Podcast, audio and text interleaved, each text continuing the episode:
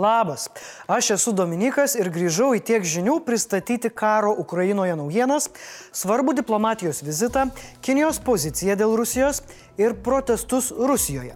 O pabaigoje Sarginis Šuarembo parodys, kaip reikia nebijoti priešo. Nebijokim, bet pakalbėkim. Ukrainos fronte per savaitgalį ir šiandien buvo nemažai tiek gerų, tiek blogų įvykių. Rusija toliau vykdo atakas prieš pagrindinius Ukrainos miestus.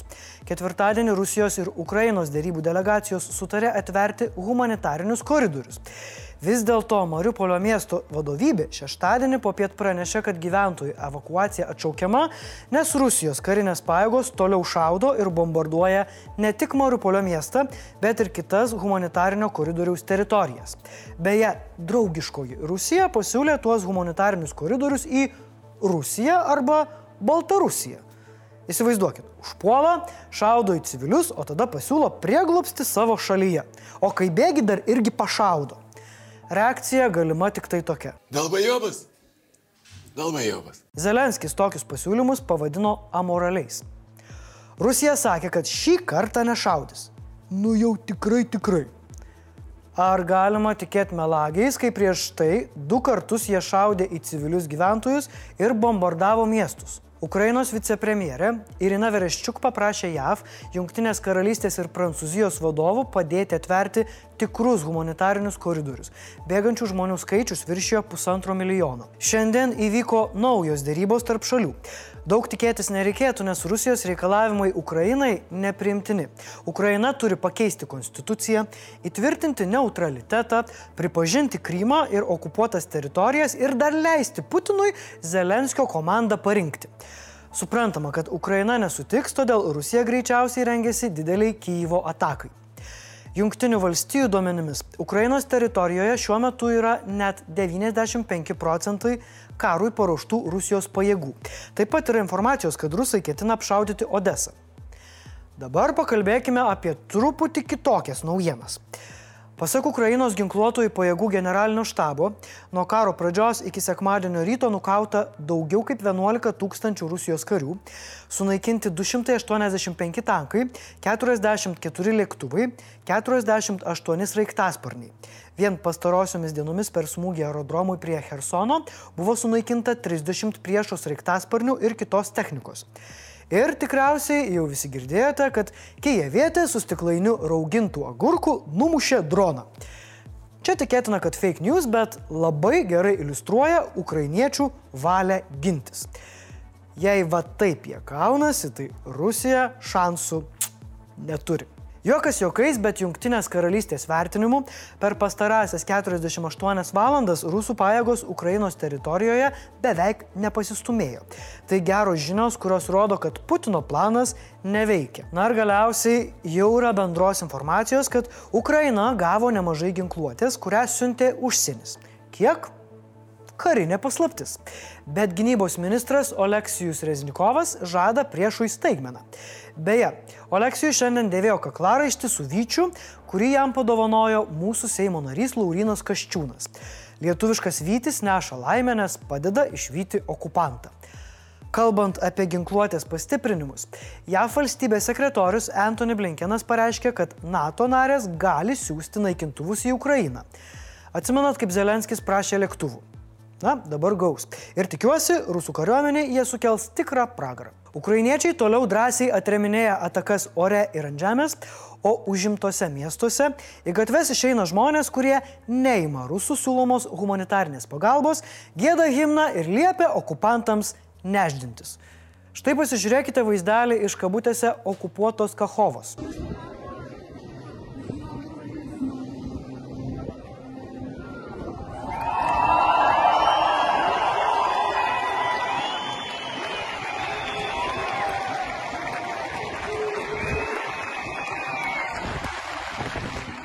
Štai čia matote atsakymą, kodėl Ukraina laimės.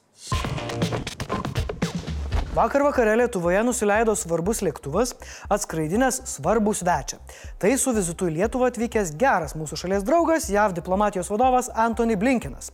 Tiesa, nesam išskirtiniai, nes su vizitais šią ir praėjusią savaitę jis lankėsi Belgijoje, Lenkijoje, Moldovoje ir kitose Baltijos šalyse. Šių vizitų pagrindinis tikslas - patvirtinti Vašingtono paramą NATO valstybėms. Pagrindinis JAV diplomatas Vilniuje turėjo daug susitikimų. Pavyzdžiui, su mūsų prezidentu Gitanu Nausėda. Vyrai aptarė Rusijos karinę agresiją prieš Ukrainą bei grėsmės kylančias Baltijos šalių saugumui ir visai Euroatlantinės erdvės saugumo architektūrai. Prezidentas taip pat padėkojo Blinkenui už nuoseklę ir ilgametę JAV paramą, tuo pačiu metu ir karinę, bei lyderystę įtvirtinant saugios ir laisvos Europos viziją. Susitikime Gitanas Nausėda kalbėjo ryštingai. Anot jo vakarai, tuo pačiu ir mes privalo padėti Ukrainai visomis įmanomomis priemonėmis, įskaitant ir karinės. Gitano teigimu, jei norime išvengti trečiojo pasaulinio karo, tą turime padaryti dabar. Ir įvardino Rusiją ilgalaikę grėsmę NATO sąjungininkams ir visos Europos saugumui. Nusori, bet po beveik savaitės tylos pasakyti tris dalykus, kuriuos visi ir taip žino, ai nežinau. Todėl prezidentas sako, Rusijos karinės grėsmės akivaizdoje nebeužtenka efektyvaus atgrasimo strategijos. Ja turi keisti pilno pasirengimo gynybai strategiją. Ok, čia biški konkrečiau. Nausėda taip pat pasidžiaugė NATO narėms uždegta žalia šviesa siūsti Ukrainai naikintuvus. Jei dar nežinojot apie tai, tai aš papasakosiu.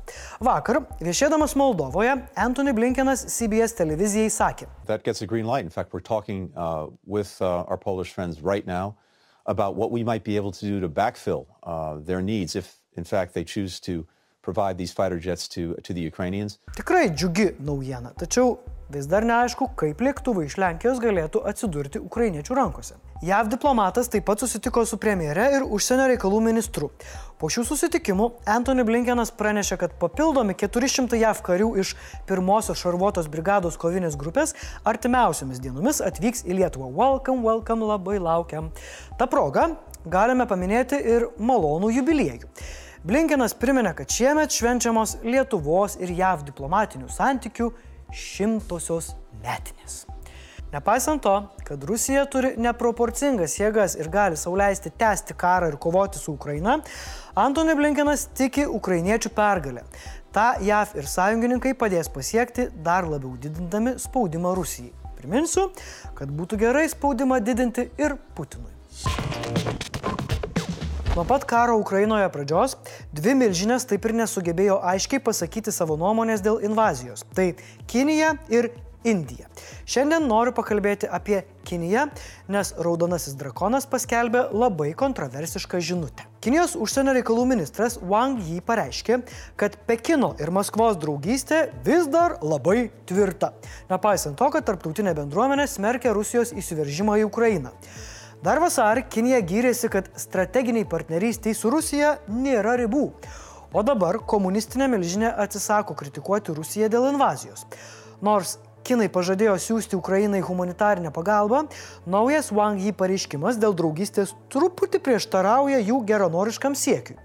Be to, jis skamba taip, lyg Kinija būtų pasiruošusi padėti Rusijai artėjančioje ekonominėje krizėje. Mano čia viskas, Oi, ne, ne, ne. Iš ministro panegirikos atrodo, kad Rusija ir Kinija yra tokios neišskiriamos draugelės, kad nuolat daro pižamų vakarėlius, aptarinėja blogus ir gerus vaikinus vakaruose ar kartu netgi pildo komunistinį dienoraštį. Ministras apibūdino Kinijos ir Rusijos santykius kaip svarbiausius dvišalių santykius pasaulyje, kurie padeda užtikrinti taiką, stabilumą ir vystimasi pasaulyje surrealu ir net sakyčiau makabriška vartoti tame pačiame sakinyje Rusijos ir Kinijos pavadinimus ir žodį taika. Pastaruoju metu bujojusi Putino ir Xi Jinpino režimų draugystė po Rusijos sprendimo užpulti Ukrainą šiek tiek pavyko. Bet tik šiek tiek. Kinija po vakarų sankcijų paskelbimo neskubėjo gelbėti Rusijos ekonomikos, nes nenorėjo užžūstinti vakarų partnerių. Iš tiesų Rusijos prekyba su savo kaimynė paskutiniu metu augo. Kinija yra ir senokai buvo pagrindinė Rusijos eksporto partnerė.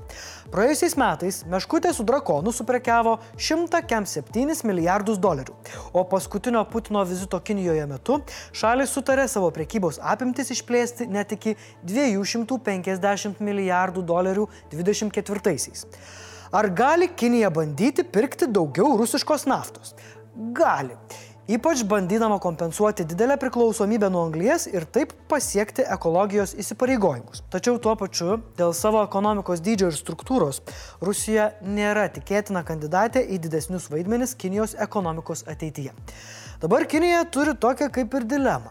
Jei draugaus su Rusija, nepasmerks karo ar net išties pagalbos ranką savo kaiminiai, susipyks su vakarais. Tačiau jei parems Ukrainą, susipyks su Rusija. Aš prisimenu, vos prieš porą savaičių buvo sakančių, kad reikia draugauti su Kinija. Nu tai kur jūs dabar esat mėly draugautojai? Ar jums dar noris padraugauti? Pasirodo, Rusijoje tikrai yra žmonių, kurie pasisako prieš karą. Ir tai daro viešai. Labai, labai nedaug, bet yra.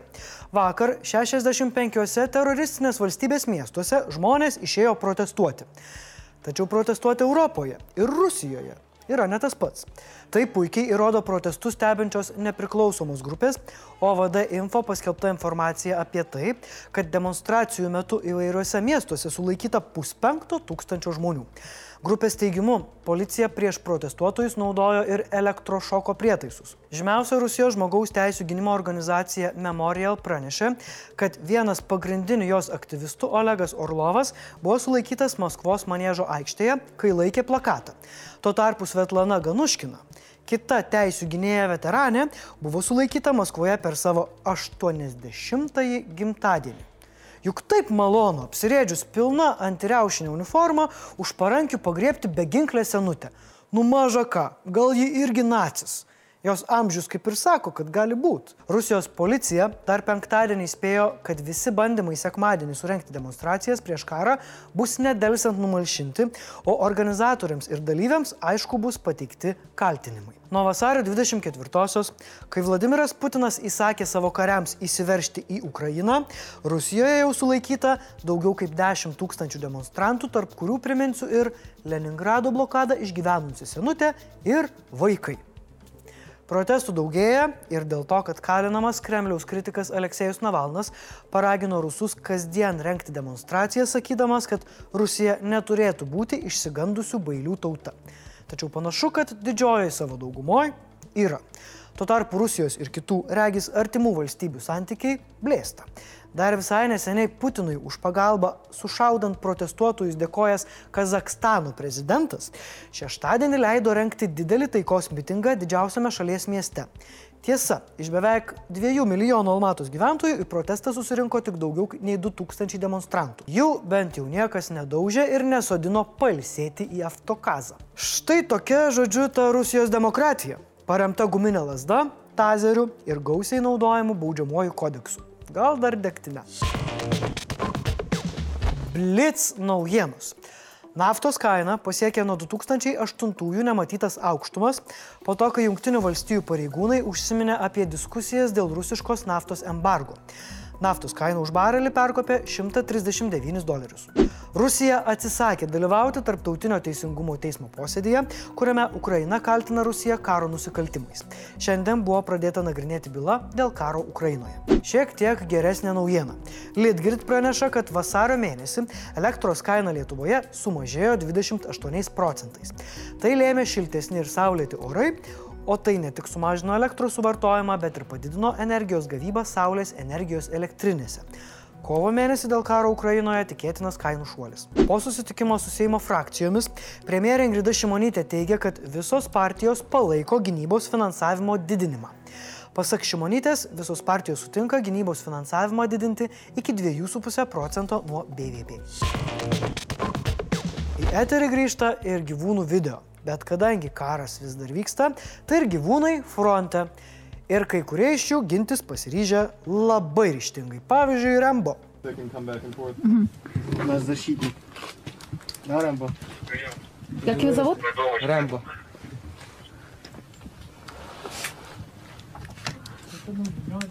Ačiū visiems žiūrėjusiems. Šiandien tiek žinių.